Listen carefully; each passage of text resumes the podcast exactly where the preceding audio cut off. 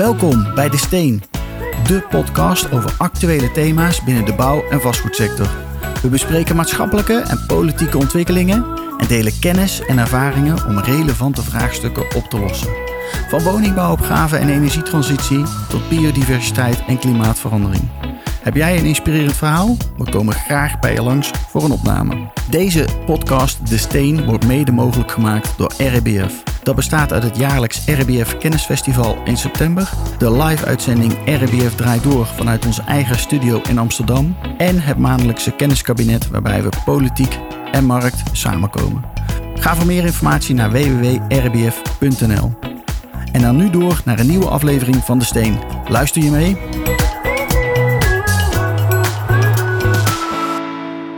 Welkom bij Hoe is het nu met de vierde van vandaag. En jawel, we hebben een dame aan tafel. en ook nog publiek, of niet?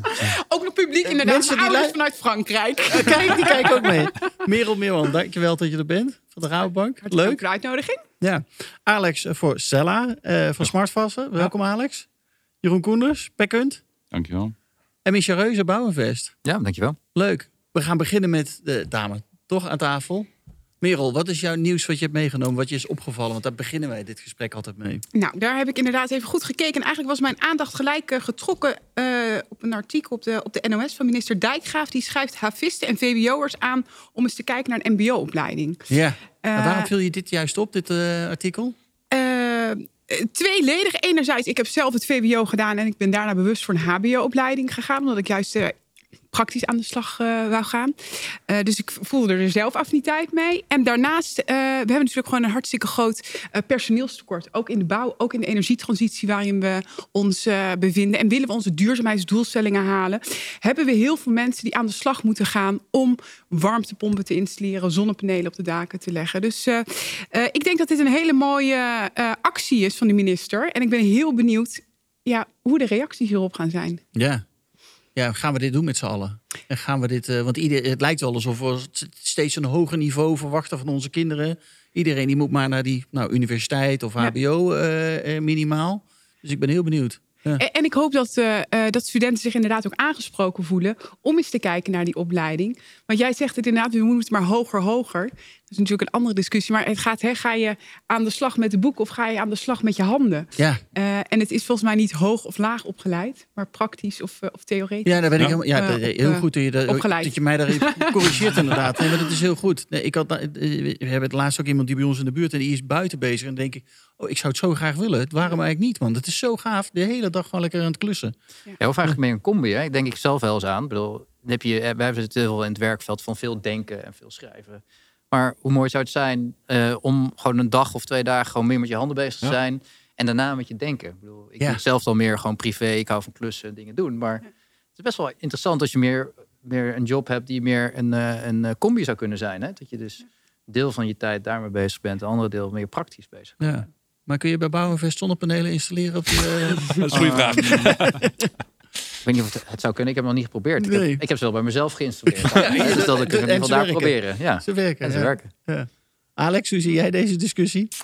Nou, ik vind het wel heel interessant, omdat eh, volgens mij een tijdje terug, heb ik het al van een aantal maanden terug, was er een hele discussie gaande van eh, dat het, de ambachtsfuncties eh, aan het uitsterven zijn. En nou, ik ben wel heel benieuwd hoe dit dan gaat landen bij, eh, bij de mensen. Dat is, eh, het is een mooi voornemen, maar wat, wat zal het resultaat zijn? Ik denk dat daar, dat, dat dat eigenlijk de belangrijkste vraag is. Ja. Ja, want Jeroen, jij hebt Delft gedaan volgens mij, toch? Ja, Ja. ja. Nog gepromoveerd ook. Ja. Ook nog, kijk. Ja. Dat wil ik niet zeggen, maar eh, ja, ja. Ja, nee, ik, eh, ik denk dat. Ik vind het wel zo'n moeilijke, moeilijke vraag. Hè, welke kant je op moet. Ik heb een zoontje van tien jaar. En Ja. die, eh, die moet nu ook eens een beetje soort gaan voorsorteren en dat soort dingen. Dus eh, ja, ik ben heel benieuwd wat dat gaat worden. Maar eh, ja, eh, handenkant eh, zeggen ze natuurlijk ook eh, dat dat tegenwoordig ook iets is wat, ja, wat ook heel, heel nuttig is. Hè. En, en eh, zeker eigenlijk ook, hè, je zou bijna zeggen met. Nou, we hadden het er net even over AI. Hè, dat, eh, dat dat eigenlijk heel eh, heel, heel veel banen wellicht gaat vervangen. Maar juist de, het handwerk gaat helemaal niet vervangen worden. Hè? En ook zorg en dat soort dingen. Dus je zou zeggen, ja, eigenlijk moet je daarop voor sorteren.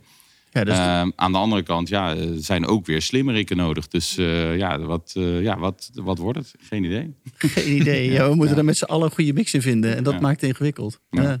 Ja. Mooi. Misha, wat heb jij meegenomen vanuit eh, de kranten? Ja, vanuit de krant. Ik heb vandaag uh, las ik de Volkskrant. Ehm, en wat, wat ik heel erg intrigerend vind, is eigenlijk kunstmatige intelligentie. En uh, wat vandaag dus in de Volkskrant stond, is een artikel over de regulering van kunstmatige intelligentie. We weten natuurlijk allemaal dat het technologisch enorm hard gaat. En zeker omdat het nu uh, openbaar toegankelijk is geworden hè, met generative AI, ChatGPT, wat iedereen wel, ja, uh, wel kent. Ja. Um, betekent dat het dus ja, heel dichtbij alle mensen komt. Um, en nou ja, dan komt er dus gelijk ook regulering uh, om de hoek kijken. En ik vind het heel intrigerend, want ik ben wel iemand die voor techniek is, het toepassen van technologieën. En, en ik zie ook wel vooruitgangsmogelijkheden. Maar um, ze hebben ook wel een punt dat het ook wel heel veel heel veel schade kan toebrengen als het verkeerd wordt gebruikt. Dus het is echt een heel, ik vind het nog een beetje een ongrijpbaar thema. Waar we, hè, je noemde het al, AI gaat ook effect hebben op de manier hoe we werken. En dat geloof ik wel. Hè? Dus het, uh, um, ik denk dat het iets is wat veel omvattend is, waardoor er ook op, uh, waar ik heel goed vind dat overheden en ook uh, in verschillende gremia over nagedacht wordt, wat het effect van deze nieuwe technologie eigenlijk is op, eigenlijk op de mensheid en hoe we daarmee om moeten gaan. Ja. ja, hoe denken jullie daarover? Ja, ik, uh, ik, ik, ik heb er twee, twee gedachten over. Aan de ene kant ben ik er niet zo bang voor. Zeker die banen. Hè, want uh, mijn opa die was ooit zadelmaker toen uh, in de tijd nog dat er nog geen tractoren waren en dat soort dingen. Nou ja, gewoon toen die tractoren zag, zag komen, heeft hij gewoon zijn bedrijf opgeheven. Is hij totaal iets anders gaan doen. Een dat was zadelmaker voor ja. paarden? Ja, voor ja. paarden. Ja. Ja, ja. En ehm, dus dat, dat, dat beroep verdween. En toen is hij gewoon wat anders gaan doen. En dat is denk ik ook heel natuurlijk. Aan de andere kant, ik programmeer sinds dat ik negen jaar oud ben. En ik ben al heel lang voor één ding bang. En dat is dat als computers automatisch gaan programmeren, dan weet je niet meer echt wat er gebeurt. Hè? Singularity noemen ze dat. En dat, ja, dat, dat, is, dat is eigenlijk, uh, dan, dan zou dat soort out of control kunnen raken. En de, uh, maar of dat of dat mogelijk is, dat weten we niet. En dat is, dat is, ja, dat is, uh, dat is wel een soort van uh, ja, iets waar we misschien toch wat regulerend mee moeten omgaan. Nou, maar ik denk dat dat ook de angst is die je zegt. Dus dat, dat we dit niet weten. Ja. ja. En dan komen er in mijn beleving alleen maar achter op het moment dat we het gaan proberen. En ja, ik ben ook voor die regelen. Ik ben, vind het juist hartstikke goed dat ze doen. Maar ik denk dat we dit ook niet als blokkade moeten, moeten zien. Ik denk dat we het juist als kansen moeten zien. Ja. Ga, we gaan erachter komen met z'n allen. En dat, ja. uh, het gaat maar die regulering die loopt toch altijd achter de feiten aan. Want een Google en een Microsoft stoppen ja. er zoveel miljarden in. Die, die ontwikkeling die gaat gewoon door. Ja. Maar misschien als we nog even terugpakken ook naar, naar opleiden. Het is natuurlijk ook heel interessant van... oké, maar hoe gaan we dan onze toekomstige uh, werknemers, ondernemers... wat gaan we die laten leren? Ja. Want zometeen kan zoveel worden overgenomen. Uh, en is er niet behoefte aan hele andere vaardigheden of capaciteiten... waar nu nog eigenlijk onvoldoende uh, aandacht voor is? Dus het is, dat is denk ik ook wel heel interessant. Ik, ik, heb maar één antwoord. En dat is volgens mij dat je moet leren om te leren. Ja. En dan ben je altijd safe. nou ja, misschien is dat wel de toekomst. Hè? Gewoon inderdaad agile, uh, adaptief zijn. Uh, blijven leren, blijven doorontwikkelen. En niet, niet bang zijn van ik kan nu dit. Precies omdat jouw opa zegt, ik doe nu dit. Uh, maar ik kan daarna weer wat anders gaan doen. Ja. En dat dat misschien wel... De, hè, de technologie en ontwikkelingen gaan natuurlijk allemaal zo hard... tot het misschien wel dat het nieuwe normaal moet worden. Dat je elke keer je eigenlijk aanpast aan een, aan een nieuwe omgeving. ja. ja. Ja, en, en ik denk ook wat creativiteit, dat dat veel meer gestimuleerd moet worden. Want de vraag is in hoeverre kan dat overgenomen gaan worden door uh, ChatGPT? Of... Nou, we hadden het in een voorgesprek ja. ook over AI inderdaad. Ja. Maar volgens mij, we moeten als mens zijn zelf ook altijd nog blijven nadenken. Want het zou wel kunnen dat die uh, uh, iets gaat opleveren wat ontwikkeld is dan. Maar vinden we dat dan nog steeds goed en is dat goed?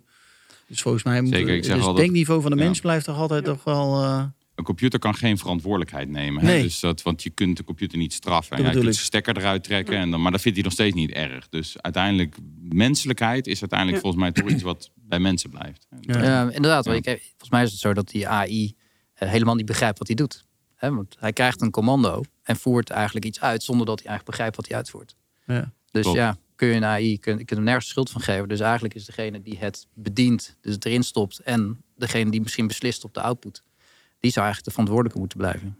Nou, wat je ja. zegt klopt ook wel. Want je moet denk ik als, als, als ondersteunend zien. Ja. En niet als iets wat het overneemt. Ja, maar dat zou natuurlijk fantastisch zijn als we allemaal eigenlijk gewoon een soort, als je een soort digitale assistent hebt. Ja. Hè, dat het op die manier zou kunnen functioneren. Waardoor we eigenlijk als samenleving gewoon efficiënter en beter uh, ons werk kunnen doen. En, uh, en misschien een deel van het werk wat we eigenlijk misschien helemaal niet zo interessant vinden.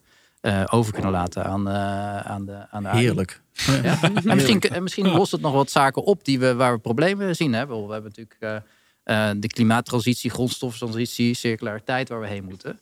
Ja, het zou natuurlijk fantastisch zijn. Ik bedoel, ik wil daar niet alles naartoe schuiven. Maar fantastisch zijn als we vanuit die AI innovaties uh, kunnen uh, ontstaan de komende jaren. Die we ons nog weer wat extra stappen zetten in, in, uh, in die richtingen. Zeker, ja, zeker. Alex, wat is jou opgevallen in het nieuws? Ja, ik las van het weekend, uh, om maar in mijn eigen vakgebied uh, te blijven, uh, van het weekend een stuk in het NRC over ehm, dat de waterbedrijven het niet vanzelfsprekend vinden dat er water uit de kraan komt.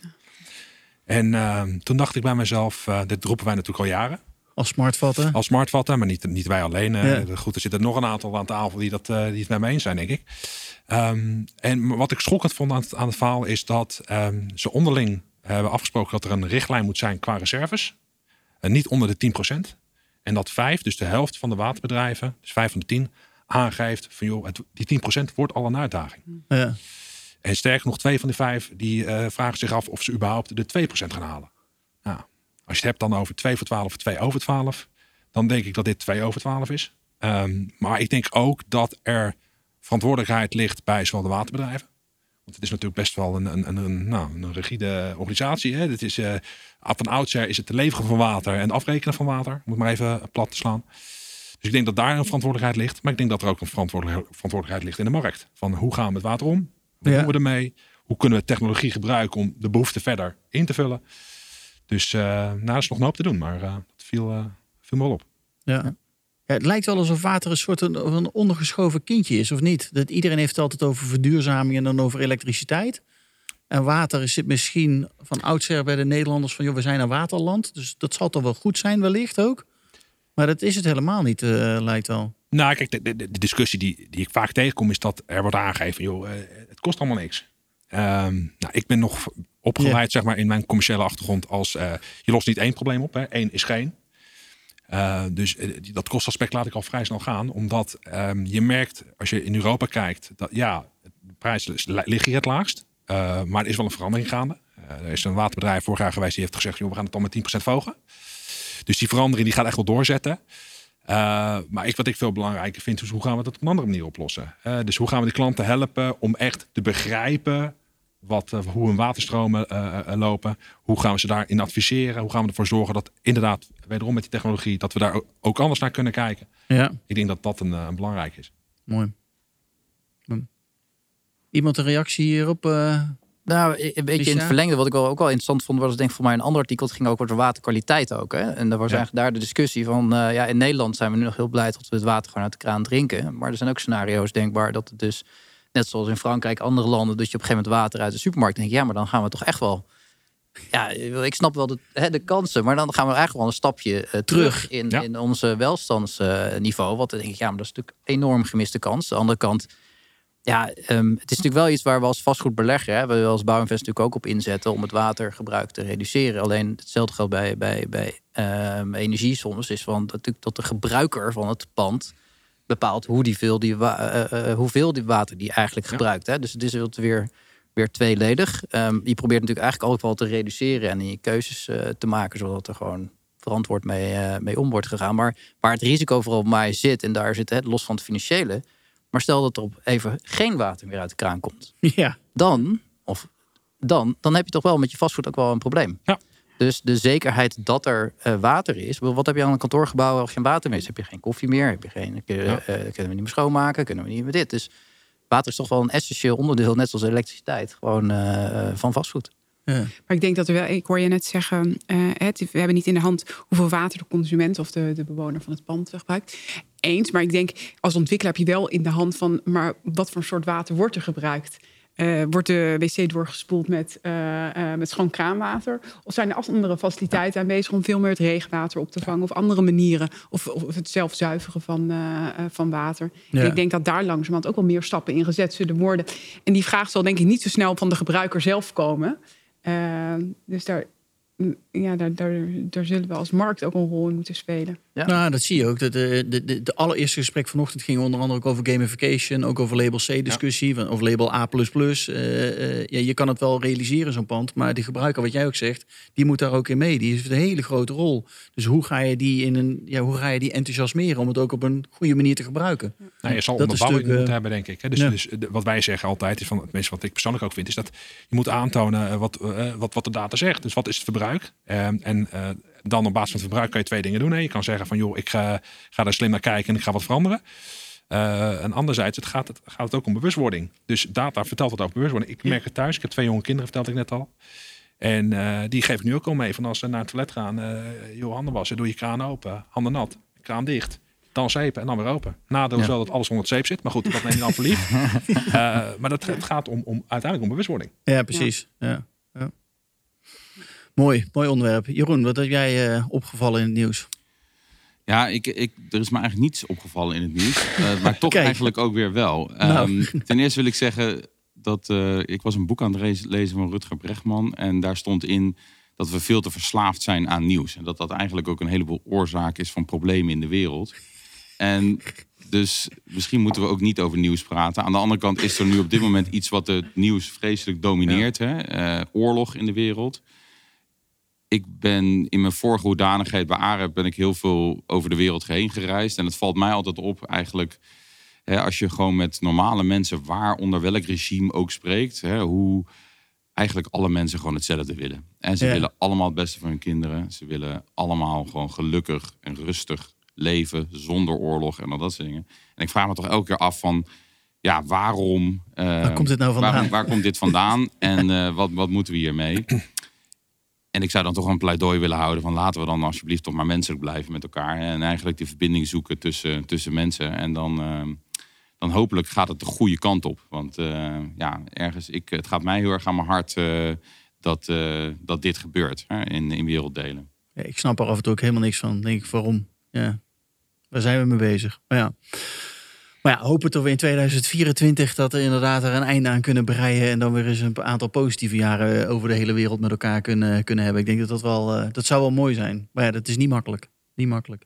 Ehm, we gaan het hebben over ehm, ehm, een beetje ook over jullie zelf, over de persoon. Want dat vind ik ook altijd wel interessant, want we zijn met z'n allen bezig om een beter gebouwde wereld te, creëren, om met innovatie, met technologie aan de gang eh, eh, te gaan, of met duurzaamheid. Eh, maar wie zijn jullie zelf nou? En wie zijn die mensen daarachter? Dus we hebben wat persoonlijke vragen over wie is je jeugdidool of wat wilde je worden toen je vroeger klein was. Dus ik ben wel benieuwd hoe dat bij jullie is. Waar, waar zit jullie passie? Waar zit jullie, eh, een beetje jullie achtergrond? Dus Merel, wat is dat voor jou? Aan mij weer de eer. Ja, ja. Eh, nou, vroeger wilde ik eh, meubelmaker worden eigenlijk. Eh, en ik heb eigenlijk nog steeds een hele grote affiniteit om met mijn handen aan de slag te gaan. Een aantal jaar geleden heb ik nog een cursus ambachtelijk hout bewerken gedaan. En als ik dat soms vertel, dan kijken mensen een beetje raar. Hè? Ga je dan echt met je handen en zagen en bijtelen? Ja, dat doe ik dan allemaal. Of dat heb ik allemaal gedaan. Een paar jaar geleden echt een cursus Oh, cool. daarop gedaan. Dus dat wou ik vroeger. Ik zag dat helemaal voor me, eigenlijk om meubels ook een beetje op, eh, op te knappen. Nou, uiteindelijk een andere richting opgegaan, maar altijd wel een hele grote affiniteit gehad. Eh, en, nog steeds met mijn handen aan de slag te gaan. En lekker te klussen en eh, in, in de gage aan de slag te gaan met van alles en nog wat. En hoe ben je dan in die bouw-vastgoedwereld terechtgekomen? Of in die financiële wereld terechtgekomen? Ja, dat is eigenlijk een, een hele. Dat had helemaal niks met eh, ambachtelijke houtbewerken Nee. eh, te, eh, te maken. Ik heb, ik, ik zei net, ik heb de HBO gedaan na, na het VWO. Ik heb de Hoge Hotelschool gedaan, dus dat is ook heel iets anders. Daar heb ik overigens niet leren koken, maar dat is meer gewoon een bredere managementopleiding. op, opleiding. en uiteindelijk met een traineeship bij de Rabobank begonnen. Later nog een, een master gedaan in, eh, in, eh, in finance.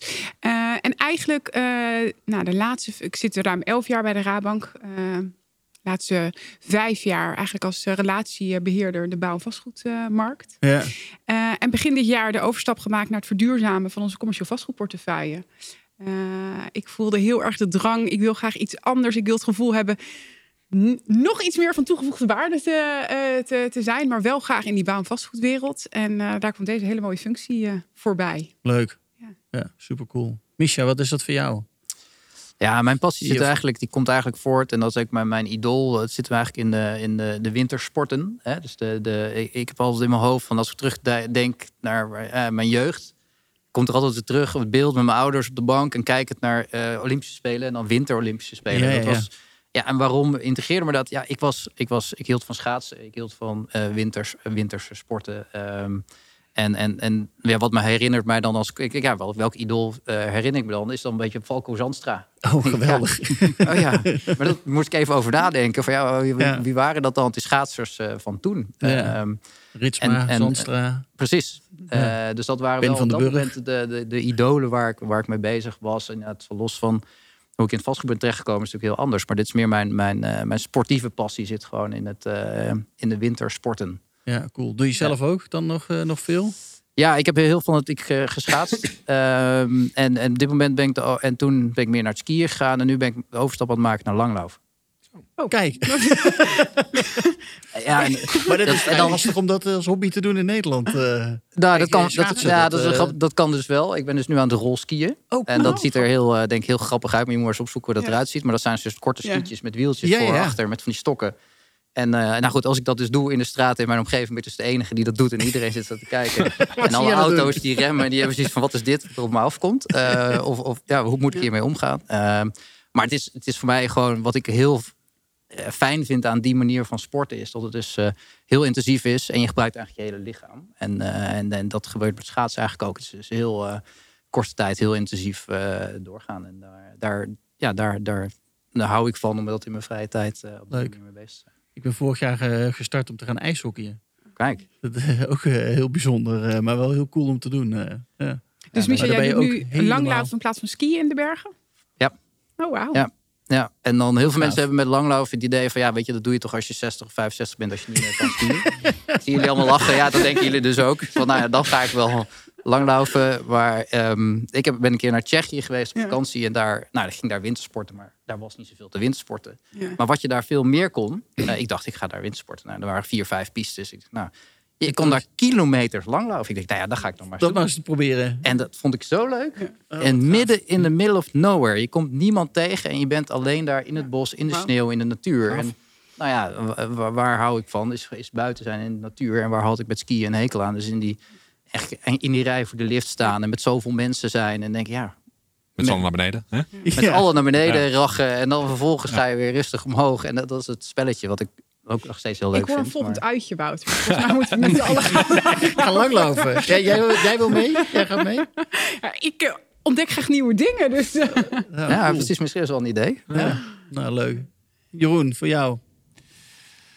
Ja, Jeugdidool of passie, waar komt het vandaan? Ik, eh, ik kan maar één ding zeggen. Ik ben, dat ik, ik zei ook al zei, ik ben om negen, toen ik negen jaar oud was, kwam mijn vader met zo'n grote doos thuis waar een Commodore 64 in zat. Dus technologie. Ehm, ik ben toen gefascineerd geraakt door programmeren, door alles wat met computers te maken heeft. En ja, dat is nog steeds wat ik het liefste doe. Hè, met alles wat met technologie te maken heeft. eh, Want omarm jij alles dan, eh, eh, als- Nee, nee, ik moet zeggen dat kan tegenwoordig ook niet meer. Dus je moet toch een beetje kiezen van eh, doe je het een of doe je het andere. En ik kan niet, ik heb ook de tijd natuurlijk niet meer voor alles. Ja. Maar ik, ik vind dat wel leuk om nog een soort proberen te snappen hoe dingen werken. Dus ik, ik denk dat ik wel een beetje een soort van de meeste dingen wel weet ook hoe ze werken. En ehm, het andere is wat ik wel ehm, ja, altijd blijf doen, is toch, eh, toch ermee mee, mee prutsen, verkennen. eh, ja, en, en proberen ook wel weer een beetje op de forefront te zijn van nou ja, wat gaat daar aankomen en hoe zit dat dan. Dus, eh, maar nee, toch alles adopteren is, dat, dat gaat niet. Eh, Waarom gaat dat niet meer? Omdat het te, snel te komt? veel. Te veel? Te Ja. veel, ja. Ja. Ja. nee, kijk, er zijn allemaal leuke dingen zoals home automation en weet ik wat allemaal. Maar ik kan er niet eens aan beginnen, want daar heb ik gewoon geen tijd voor. dus ja, dus het lampje thuis nog aan met het knopje. Ja, gewoon al dat soort dingen. Dat, dat, ja, ja, ja, ja. En je moet ook kiezen van, ja, wordt het een Android, of wordt het een iPhone, of een Fairphone. wat- wat- Dat, dat, allemaal dat soort dingen. Je moet iets Ja. kiezen en je, dan zit je in een ecosysteem en daar moet je dan toch En dan kun je in, niet in meer... blijven. eh, Je kunt, je kunt niet meer zoals vroeger alles doen, zeg maar. Dat, eh, ja. ja. Mooi. Alex, voor jou? Ja, een beetje hetzelfde. Uh, Misha, ik kom ook eh, sporten. Ik wou vroeger, zoals menig jongetje, denk ik, profvoetballer worden. Ik heb dat al snel losgelaten. Want Hoe snel vrij- was dat? Heel snel. ik denk vijf minuten later. Nee, nee dus, maar goed, daar, daar ben ik mee begonnen. En ik ben uiteindelijk ben ik in de hospitality sector terechtgekomen. En nou, uiteindelijk merk ik om me heen dat iedereen die gaat met vrienden. Ik was begin twintig, dus iedereen op stap. En dacht ik mezelf, is dat nou wat ik, wat ik wil? En toen ben ik eh, eigenlijk door een eh, recruiter eh, ooit eens achter de bar vandaan getrokken. Ik zei joh, volgens mij moet jij iets met commercie gaan doen. Want je praat nogal makkelijk, dus Ja, ik, ik heb wel wat voor je. En dat is bijna 18 jaar geleden. Dus eigenlijk de af- afgelopen 18 jaar in IT rondgelopen. Van alles gedaan. verschillende industrieën. En twee jaar geleden begonnen bij Smartvatten. Leuk. Ja. Dus als je jeugdidool, misschien een mooie link. ik was nogal fan van Jari Liedmanen. Vin. Oh, mooi. en dan werk ik nu voor een Fins bedrijf. Dus het, in mijn beleving wel. is een cirkeltje rond. Eh, Cool, ja, superleuk. We hebben er nog één in het netwerk zitten die Jari Liedman als jeugdidool heeft eh, trouwens. Ja. Ehm, eh, dat is volgens mij is dat Robert Hekelaar. Die heeft hier vanochtend eh, gezeten. kijk. dus eh, dat is wel, wel grappig. Ja, voor de volgende tafel. ja precies, precies. Ehm, eh, nou, we gaan het ook een beetje over zaken hebben, want dat is ook wel leuk. Over de industrie, over wat er verandert en hoe jullie dat zien, eh, zien, eh, zien gebeuren. Hoe was voor jullie de. Nou, wat is eigenlijk jullie nieuws waar je mee bezig bent geweest de afgelopen maanden? En wat, wat, waar ben je trots op, waar je mee bezig bent binnen je bedrijf? En zou je dat met ons willen delen? Dat is eigenlijk de vraag. Jeroen, laten we eens bij jou beginnen. Ja, het is een beetje een spannend moment. Want ik ga er iets over zeggen, maar ik ga er ook niet te veel over zeggen. maar wij zijn een nieuw bedrijf aan het oprichten. En dat is heel spannend. En dat gaat ook voor deze industrie denk ik heel veel betekenen. Dus eh, Dan kun je me iets erover vertellen. ja, wat, eh, ik denk dat wij de bouw extreem willen versnellen met een, een, bouw, een platform wat voor en door de bouw wordt. Dus waarin iedereen hopelijk echt kan meedoen. En, dat, eh, nou ja, en daar zijn we wat voor nieuws voor aan, het, doen. Cool. Digitalisering. digitalisering, ja. En we willen daar ook gewoon echt gewoon ja, het voor en door maken, maar ook echt daar ja, toch de digitale wereld gaan gebruiken en de automatisering gaan gebruiken om echt proberen grote stappen te maken op het gebied van nou ja, duurzaamheid, de circulariteit, eh, maar ook het versnellen. Hè? Gewoon zorgen dat die woningen er wel gaan komen. Ehm, en eh, en, hè, en dat, dat die industrie echt een stap verder gaat. Ja. ja, maar dat is een grote uitdaging. Het lijkt wel, dat oh, dat we het vandaag ook al eh, vaker over gehad. Het lijkt alsof we steeds minder huizen aan het bouwen zijn, terwijl er meer, eh, eh, er meer vraag is. Ja, heel En het lijkt wel dat we de Ja. enige industrie zijn die dat niet bij elkaar weten te krijgen. Als er meer vraag is om dan minder te gaan produceren. Ja. Dat gebeurt in geen enkele sector. Het is echt bizar. Ehm, terwijl er wel mogelijkheden liggen om te gaan versnellen, lijkt Ja. me. Ja. Ja, zeker. Ja. Mooi. Misha, voor jou. Ja, eigenlijk zit dat meer op het gebied van, eh, van impact maken. Eh, ik eh, merk echt binnen, binnen Bouwinvest dat we steeds meer stappen maken van ja, hoe kun je bezig met duurzaamheid zijn. Maar hoe kun je dat nou meer vertalen naar wat is nou de echte impact daarvan van op de maatschappij? Dus steeds meer de doorvertaling maken van maar wat realiseer je daar nou echt mee? Hè? Dus wat is de maatschappelijke toegevoegde waarde die we daarmee realiseren? En nou ja, daar heb ik ook aan, aan meegewerkt. En binnenkort gaan we daar ook weer wat eh, over publiceren. Welke stappen we daarin in gaan zetten. En ik denk, nou precies wat jij zegt. Hè, we hebben enorme behoefte aan, aan woningen, eh, betaalbare woningen. Eh, we hebben behoefte aan ehm, zorgfaciliteiten. tot mensen doorstromen naar zorgwoningen. En eh, ja, ik vind het toch wel heel gaaf dat we daar met die actuele thema's eh, binnen Bouwinvest gewoon eh, echt bezig zijn. En ook eh, serieuze stappen zetten. Ja. Ja. ja, heel cool. Ja. ja, en het is er gewoon broodnodig. Ja, het is, heel no- het is zeker nodig. Want het- Maar je merkt ook wel, hè, wat het uit, deze tijd maakt het gewoon extra uitdagend om het, eh, om het toch voor elkaar te krijgen. En dan merk je toch dat het meer, nog meer gezamenlijk moet worden. Dus dat je nog meer met overheden, nog meer met marktpartijen bij elkaar moet komen van hoe kan het dan nog wel? Hè, Wat is, wat is nou wel mogelijk om het, eh, om het eh, te doen? Ja, want het lijkt wel een soort van perfect storm die aan de hand is. Met overdrachtbelasting omhoog, de rente die stijgt, eh duurzaamheidsmaatregelen die we in elkaar willen vlechten. Biobased materialen, nou Ja. noem alles. Energietransitie, materialentransitie. Het is best wel complex om het allemaal bij elkaar te, te, te, te brengen. Ja, het is enorm complex. En dat, eh, maar ik merk wel als je verschillende partijen ook, ook gewoon ziet, is dat iedereen wel probeert steeds meer die stappen te maken. Dus we be- beginnen het steeds meer beter te begrijpen. En ik, ik denk echt wel dat we op de goede weg zitten om elkaar, maar we moeten nog wel een paar dingen oplossen. En wat Nee. maak je dan inzichtelijk, Micha? Daar ben ik wel benieuwd naar. Je kan het natuurlijk hebben over CO2-uitstoot, maar ik ga ervan uit dat je iets anders inzichtelijk gaat maken. Dus ik ben wel benieuwd. Nou, wat je bijvoorbeeld meer inzichtelijk kan maken, is eh, eh, meer ook op het sociale vlak. Hè? Dus, dus eh, wat voor woningen kun je dus realiseren onder een bepaalde grens? Zodat je dus inderdaad ehm, eh, mensen een plek kan geven die behoefte hebben aan een woning op een bepaalde locatie. Denk dat we, we hebben meer onderwijzers nodig in bepaalde gebieden. We hebben meer eh, zorgpersoneel nodig. Dus hoe kunnen we ervoor zorgen dat we voor de, echt, de mensen die, die echt nood- nodig zijn in bepaalde gebieden. En, en wat er dus ook nodig in een gebied. Dat we vast goed realiseren wat dus daar bijdraagt. En minder vanuit de gedachte is van nou ja, hoe kan ik hier zoveel mogelijk geld verdienen. Dus meer vanuit, het, meer vanuit de omgeving denkend. In plaats van vanuit het asset en met een soort financieel ehm, gedachtegoed denken. En dan ga ik het ook nog duurzaam doen. Nee, het is eigenlijk keer het om. Misschien een beetje vanuit de S van sociaal dan. Als je, als Ja, je, vanuit als je de hem S wil van aan, aan precies. ESG wil koppelen. Precies, meer vanuit de S. En dan denk ik wel dat we de, bij- dat we de E niet mogen vergeten. Hè? Dus Ja. dat, dat, Maar eh, ik denk die E die is wel redelijk ingebed overal. Dat, is- dat is ook, eh, eh, hoop ik, als we het hebben over nieuwbouw, dat dat niet heel, een hele grote vra- vraag is. En die S-merk, merken wij tenminste ook wel, dat we daar veel meer zoekende zijn. Van hoe gaan we daar nou aan, invulling aan geven? En hoe geven we dat eh, Ja. kleur ook? Ja, en, en tegelijkertijd zie je, nou ja, dat is dan weer een, onderwerp waar ik zelf mee bezig ben vanuit de innovatierol. Is dat er ook op de E alweer nieuwe onderwerpen zijn waar we ook weer stappen moeten gaan zetten. Dus bijvoorbeeld denk aan circulariteit. Ja, hoe gaan we dat dan meten? Hoe kunnen we zorgen dat het eh, de, niet alleen naar de klimaattransitie denken, maar ook aan de grondstoffentransitie. We gebruiken in de bouw gewoon heel veel grondstoffen. Ja. Dus hoe kunnen we zorgen dat we op zo'n manier gaan bouwen, dus dat we minder effect hebben op het grondstoffentekort waar we met z'n allen ook voor staan.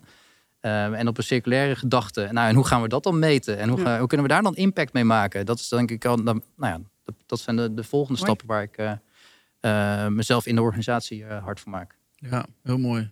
Merel, voor jou. Ehm, nou, waar ik heel blij mee ben, is dat ik eigenlijk afgelopen maanden heel veel in gesprek ben geweest. Ook met ehm, eh, verschillende klanten, middels onder andere klantevents. Ehm vanuit de Rabobank bedenken we soms een mooi beleid. Hè. Beleid is al een beetje een vervelend woord. Beleid, we gaan hier naartoe en dat gaan we, gaan we zo en zo eh, ja. eh, eh, behalen. En dan hebben we een energielabel norm. En dat, elk jaar wordt dat een beetje, een beetje strenger. En soms zit ik in de, in de groene toren. Dan denk ik, ja, iedereen is bezig met groen. Dus het is een no-brainer. En dan eh, kom ik dus in het komt wel goed. Dus het komt wel, het komt wel eh, goed. En dan stap je uit die toren en dan? Wat zie je dan? Ja, dan ben je in gesprek eh, en dan organiseer je een eh, klantevent met heel veel positiviteit. En daar komt er toch wel een beetje weerstand. En eh, dan denk ik, oeh, maar dan is het wel heel goed eh, eh, om dus juist dat gesprek ook aan te gaan. Hè? Ik begeef me soms met heel veel groene mensen om mij heen. LinkedIn is ook één groene eh bubbel, maar de realiteit is natuurlijk voor een hele hoop bedrijven anders. Ja. En ehm, eh, de realiteit voor Bouwinvest is anders dan voor de MKB-ondernemer die 20 woningen heeft, maar die ook moet verduurzamen en die ook mee moet gaan in die transitie. ja. Ehm, dus het, het mooie vind ik dat, dat ik bezig ben om te kijken van hoe kunnen we daar nou meer impact maken en hoe kunnen we ook als Rabobank ja, die klanten ondersteunen om te gaan, eh, gaan verduurzamen. En niet meer alleen maar kijken naar de grote bedrijven die wel meegaan, maar juist ook de aandacht vestigen op een hele grote groep MKB'ers die ook in beweging moet gaan komen. Ja, en hoe krijg je die in beweging? Want het is eigenlijk hetzelfde vraagstuk. We hadden een- ook een sessie gehad met, met wat eh start-up bedrijven alleen maar aan tafel. Toen, ja. Ja. we willen ook gaan schalen. Dus hoe krijgen we die schaal nou voor? Dan zit Ja. iedereen daar eh, op. Maar dit is eigenlijk Ja. ook een soort van verschaling. Hoe krijg je mensen nou mee in, in, in dit gedachtegoed? Hè? Ja, precies. Nou, ik denk enerzijds worden we eh, nu langzamerhand meer geholpen door de wet en regelgeving. Die gaat, als je het mij vraagt, nog wel te langzaam. Maar dat laat al wel zien. Hè, kantoren C is natuurlijk eigenlijk het, het begin. Daar gaat nog veel meer aankomen. Maar, maar dat laat wel zien van jongens, daar gaat wet, wetgeving aan aankomen. Ik denk met name het belang is dat de ondernemer gaat, eh, het gaat voelen in zijn pand. Het gaat effect hebben op de huurstroom die hij kan ontvangen. Het gaat effect hebben op de waarde van zijn pand. En dus op eh, de toekomstige bestendigheid van zijn, eh, van zijn onderneming. Maar in alle eerlijkheid, het is heel lastig. Want als jij een, eh, een ondernemer hebt en die heeft eh, tien panden met allemaal een huurcontract nog vijf jaar en die eh Ja, beurt zijn centen en Ja. die beurt zijn centen wel. dan is het een hele grote uitdaging. En ehm, ja, dan denk ik, oké, hoe kunnen we dan zorgen middels bijvoorbeeld speciale groenproducten of een, we hebben een tool Rabo Duurzaam Vastgoed, wat jij Ja, ja. ook kent, dat we klanten inzichtelijk laten maken van waar sta je nu, waar ga je naartoe. Eh, en ik ben nu ook aan het kijken om veel meer. eh, ja, wij rapporteren aan de hand van het CREM pathway, wellicht eh, be- eh, eh, eh, bekend.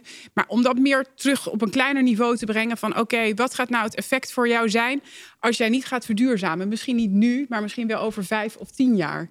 En eh, Ja, je zal die Ja, noodzaak moeten creëren, die, denk ik. die, die noodzaak. Ja, maar wat is de noodzaak? Want soms is de noodzaak, waar jij bent begonnen, Alex, met, met een artikel van joh, water is een probleem. eh, ehm, en dan daar kunnen we klimaatveranderingen, je kan allerlei dingen erbij halen, maar voelen we hem echt? Maar het water is er nog. Ja, het water Ja. is er nog en die water Ja. komt gewoon uit de kraan. En dan, ja, dan komt het wel goed. Ik Kan, elke dag kan ik nog douchen en ik kan nog steeds eh, mijn glaasje water eh, uit de kraan eh, krijgen. Ja. Ehm, dus, dus hoe erg voel je het probleem voordat je in beweging komt? Hè?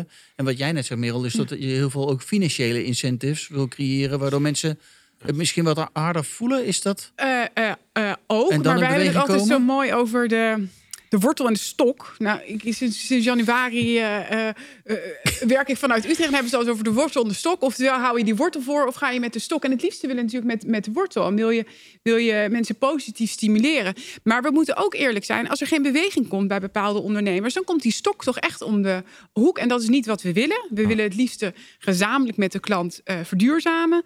We willen de klant ondersteunen dat hij een duurzamer pand krijgt. Maar als er geen beweging in komt... ja, dan zal dat uiteindelijk leiden tot, uh, tot, het feit dat je niet meer bij elkaar past. Ik hoorde jou net iets, iets interessants zeggen. Dat jij eigenlijk vindt dat de wetgeving te langzaam gaat. Ja, zeker. En ik denk dat daar een hele grote kans ligt als je het hebt over hoe ga je mensen eigenlijk motiveren om wat te gaan doen. Ja, moet dat toch vanuit wetgeving komen, denk je? Niet vanuit intrinsieke motivatie dat we het beter willen doen? Beide, denk ik. Beide? Uh, beide. Maar ik denk dat we helaas moeten constateren dat er gewoon een hele grote groep ondernemers is die niet die intrinsieke motivatie heeft. En we moeten wel in beweging gaan komen. En als wij uh, uh, bij een klant onder tafel zitten en we zeggen: Dit zijn onze eisen. Ja, maar van, van de overheid is dit helemaal geen wet. Wie ben jij om dit te stellen? Ja, ja, ja. En natuurlijk kunnen we daar een goed gesprek om hebben. En heb ik een hele rits met argumenten die ik. die ik over de bühne kan te gooien. Maar op het moment dat natuurlijk de wet en regelgeving strenger is, helpt ons dat wel uh, om uh, klanten mee te nemen in, uh, in, in, de noodzaak om te gaan verduurzamen. Ja. Hoe, kijk, hoe kijken jullie hiernaar? Want jullie zijn ook met producten op de markt gekomen. En kijk je dan ook naar de wet en regelgeving om daar je product op aan te passen? Omdat je dan weet dat je wat sneller business kan, kan genereren als je daar wel of niet aan past? Of heb je zoiets van, nou, we maken gewoon een gaaf product voor een oplossing en uh, die, die gaan we gewoon in de markt zetten. Nou, ik denk, ik denk dat het beide is. Ik hoor je net ook zeggen, kijk, die kleine ondernemer, die, die, die, die wilde eigenlijk helemaal niet mee bezig zijn. Die denkt, joh, ik, uh, ik heb het uh, geregeld, het is goed zo, weet je, laat me maar met, met, maar met rust. En dat is wat, wat, hij, wat hij denkt. Dus je zal op zoek moeten gaan naar een combinatie van beide, denk ik. Eén, wat, wat kan je hem meer bieden? En twee, gecombineerd aan wetgeving. Ik denk dat je daar niet... Ik, uiteindelijk zou je dat allebei nodig hebben, denk ik. En um, zo proberen wij ook ons, uh, natuurlijk onze producten daar ook weer in te steken. Dat, uh, ja. Ja. Maar jouw product, Jeroen, is helemaal niet toch gerelateerd aan wetgeving of wel? Nee, nou ja, goed, weet je, kijk, digitale wereld is natuurlijk een beetje soort onafhankelijk van het fysieke, zullen we zeggen. En, um, maar aan de andere kant, het is meer een soort van enabler om iets aan wetgeving te meten of uh, inzichtelijk ja, ja. te maken of dat soort dingen. Dus ja, wij zijn eh, bijvoorbeeld de instrumenthouder van een nationale milieudatabase, zeg, samen met Stichting NRPI. Ja, op die manier meten we duurzaamheid. En hm. maken we het snel inzichtelijk. En wij proberen dan ja, mogelijkheden te creëren waardoor je het dat heel snel inzichtelijk hebben. Dat je hè, met, met de MKI-score bovenin beeld kunt ontwerpen, zeg maar. Dat, um, maar dat, ja, dan is technologie is meer een enabler of, hè, om, om, om positief te stimuleren. Dat ik zeg, ja, wij passen echt ons product aan op wetgeving. Het is meer iets wat daarin zit of iets dergelijks. Maar wij, wij exploiteren dat niet op een of andere manier of iets dergelijks. Uh, dat, uh, nee. Maar wat is dat voor jou, Misha? Nou, je moet natuurlijk gewoon een rendement halen. Zeker. Ja. Zeker, ja, je hebt verschillende vastgoedproducten en die, ja, die hebben gewoon een rendementsdoelstelling. Uh, maar we hebben natuurlijk, uh, wij werken natuurlijk voor pensioenfondsen uh, ja. voornamelijk. En die hebben natuurlijk ook wel vanuit hun verantwoord beleggen, beleid en doelstellingen hebben ze ook allemaal het klimaatakkoord ondertekend en streven ze daar ook naar. En die weten dus ook vanuit die gedachte, omdat ze dat ondertekend hebben, dat dat betekent dat je als je in vastgoed investeert, dat dat de komende jaren consequenties heeft. En dat er verduurzamingsslagen gemaakt moeten worden. Dus vanuit die kant, kijk, um, proberen wij gewoon ook voor te lopen op, op wetgeving. Omdat wij vanuit de risicooptiek gewoon zien dat die wetgeving inderdaad niet, niet past, niet, zeker niet op de lange termijn past bij wat het doel is waar we met elkaar uh, ja, ja, ja. voor gaan. Um, dus wij hebben een doelstelling in 2045 willen dat onze portefeuilles, dat noemen we dan Paris Proof. Nou, je noemde de Crème Pathways, dus daar gewoon voldoen aan de, aan de anderhalf graden uh, doelstellingen. Ja. ja, en daar, dat consequentie daarvan is, en dat is niet altijd even makkelijk. Hè? Ik bedoel, dat, dat is dat je dus op bepaalde uh, momenten gewoon investeringen moet gaan uh, doen. Maar je moet het wel de, de, de goede investeringen doen. Dus het, het ene pand gaat het makkelijker dan bij het, bij het andere.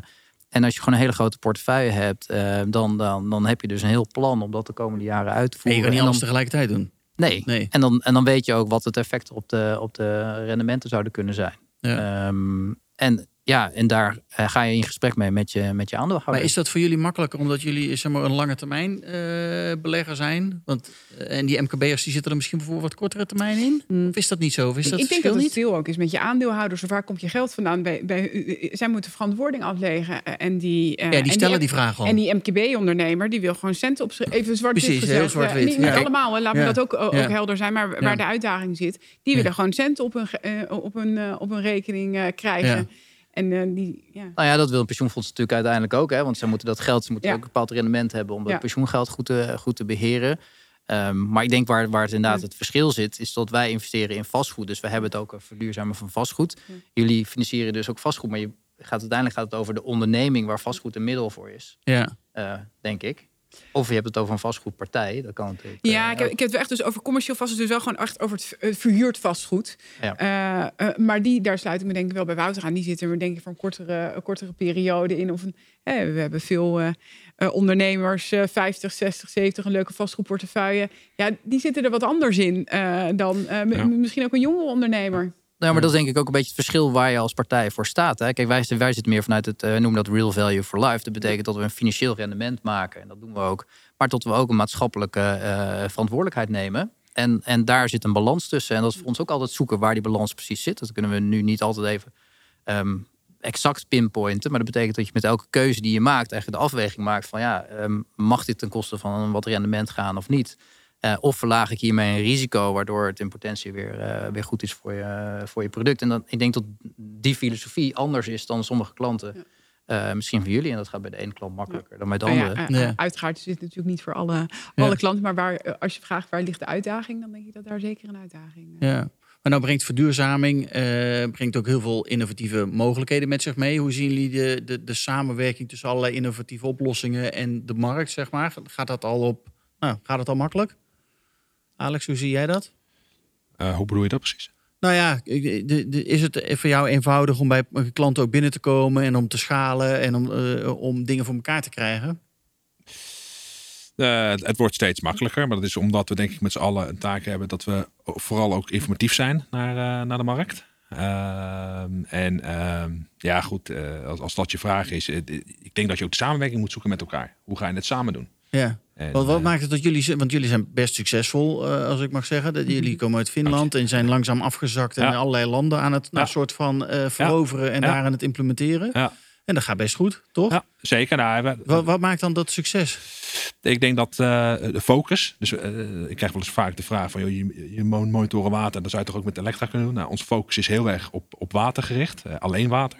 Ja. En we hebben op de eerste dag van de Provada dit jaar hebben we eigenlijk een, onze rebranding eh, eh, gehad. Ehm, en eh, nou, nu staat ook in de naam een tagline Understanding Water. En ehm, daarmee bedoelen we ook eigenlijk van het houdt voor ons niet op bij het monitoren.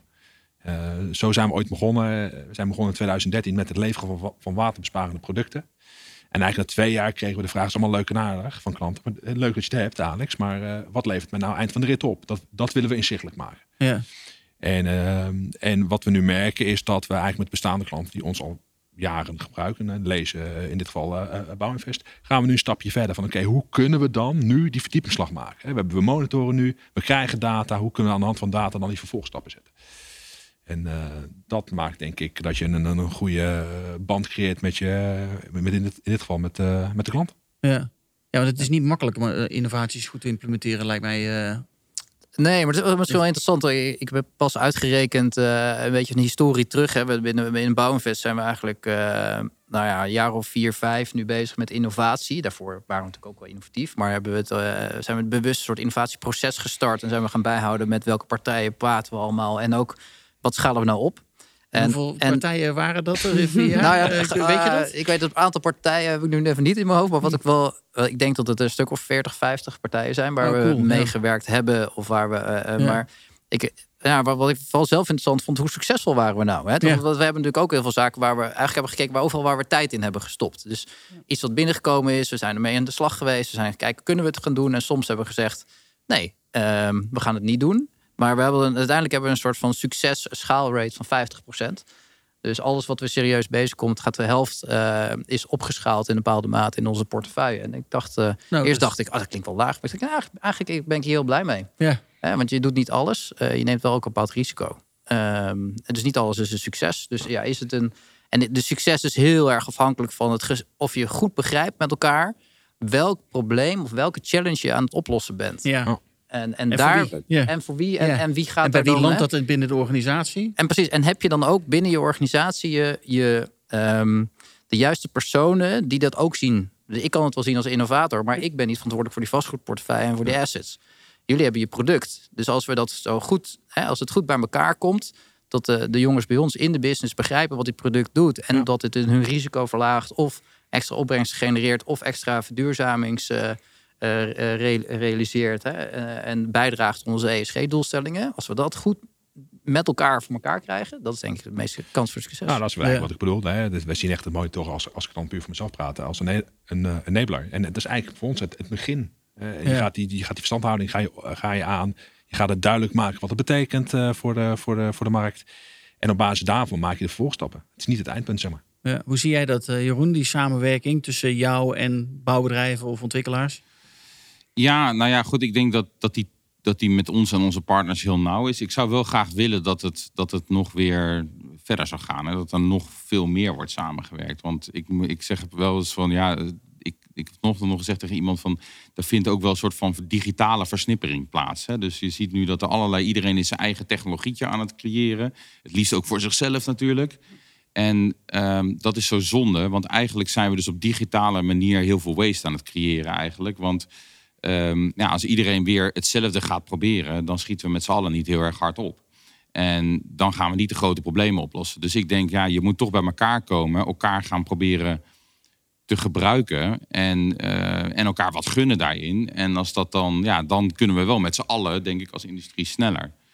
Maar hoe we dat precies bereiken, ja, samenwerken, maar dat is, dat is een makkelijk woord, maar dat is, eh, dat, is dat best wel- lijkt best moeilijk, want ja, wat ik zeg, iedereen gaat dan toch weer voor zijn eigen belang. En dat is iets wat, eh, ja, wat, wat Maar bouwen ze dan een eigen stukje software of een eigen stukje... eh, Of Ja, ik denk dat heel veel partijen eh, ja, bezig zijn met, met, met eigen ontwikkeling ook. Maar ook heel erg onderschatten wat het, wat het eigenlijk uiteindelijk betekent. Hè, om, om een softwarebedrijf te zijn. Ik ben ooit bij een ingenieursbureau weggegaan. Omdat dat ook ja, in mijn ogen eh, dat dat niet paste. Hè. Eh, uiteindelijk, hè, de, je, als je de echte goede ontwikkelaars wil vasthouden... dan, eh, ja, dan zal je een bedrijf moeten oprichten wat ook software ontwikkelt. Hè, want je moet concurreren met Google voor softwareontwikkelaars. Ja, ja, ja, ja, ja. Ja, en dat is lastig als je een bouwbedrijf bent. Maar kijk, in ons geval, wij hebben een, een, een cloud-native eh, ar- eh, software-architectuur.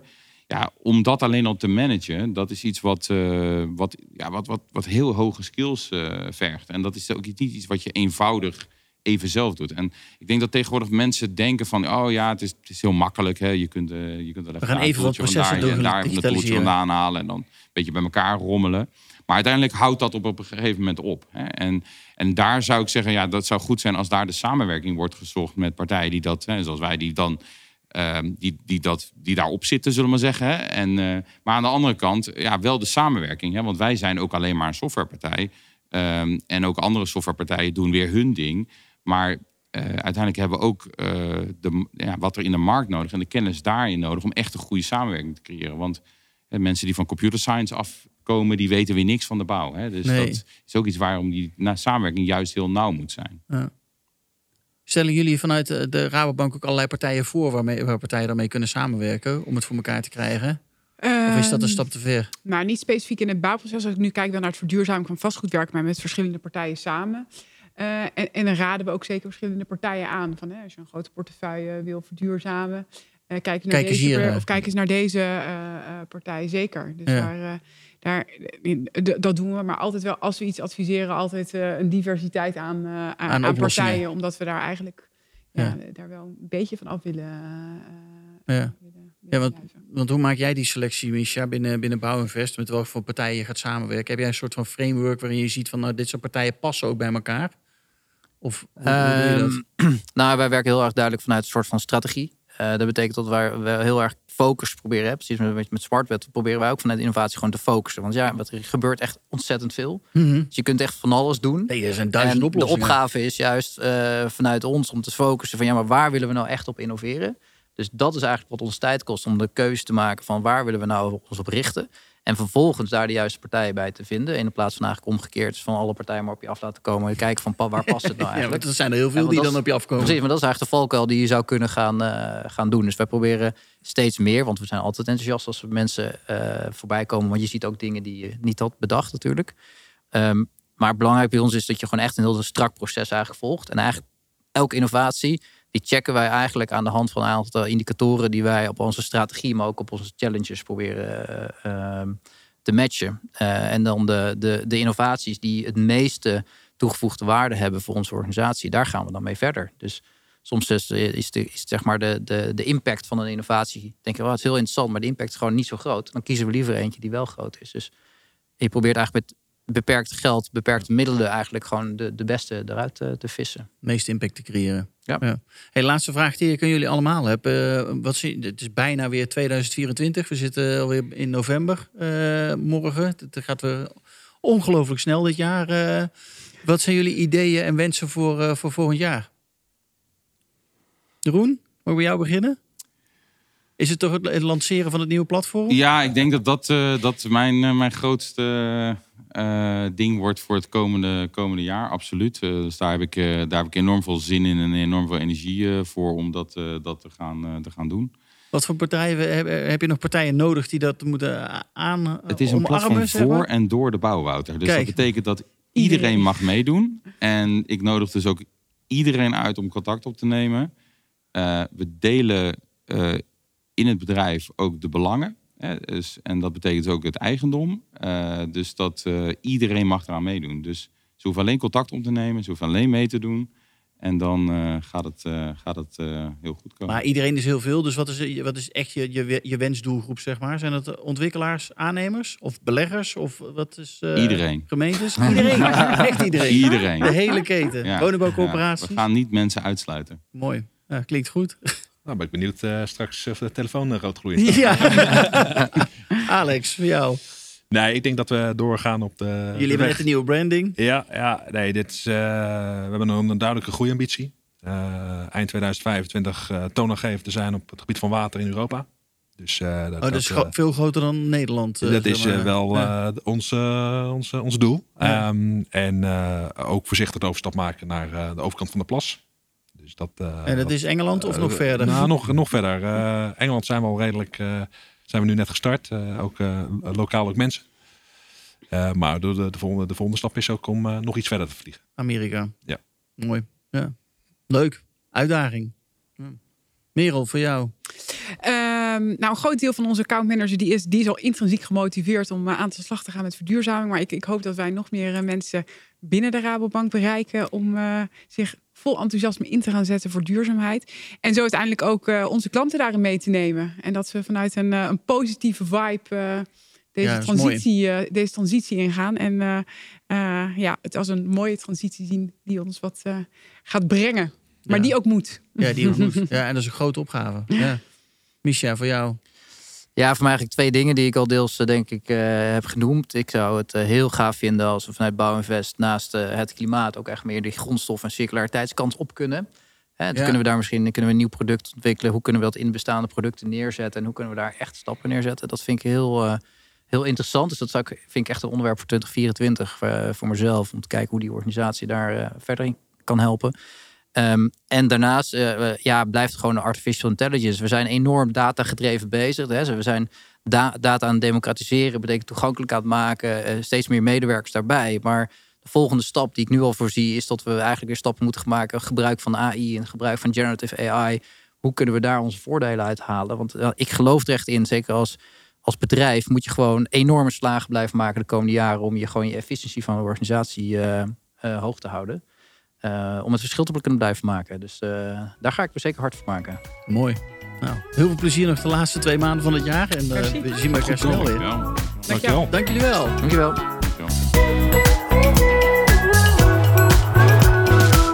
Je luisterde naar de podcast De Steen. Hopelijk hebben we je geïnspireerd om een beter gebouwde omgeving te creëren. Er kan al namelijk zo ontzettend veel.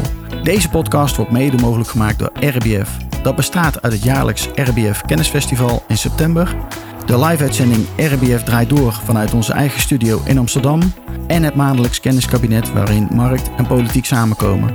Voor meer informatie ga naar www.rbf.nl. Het team van RBF wens je een fijne dag toe. Bedankt voor het luisteren en hopelijk tot snel.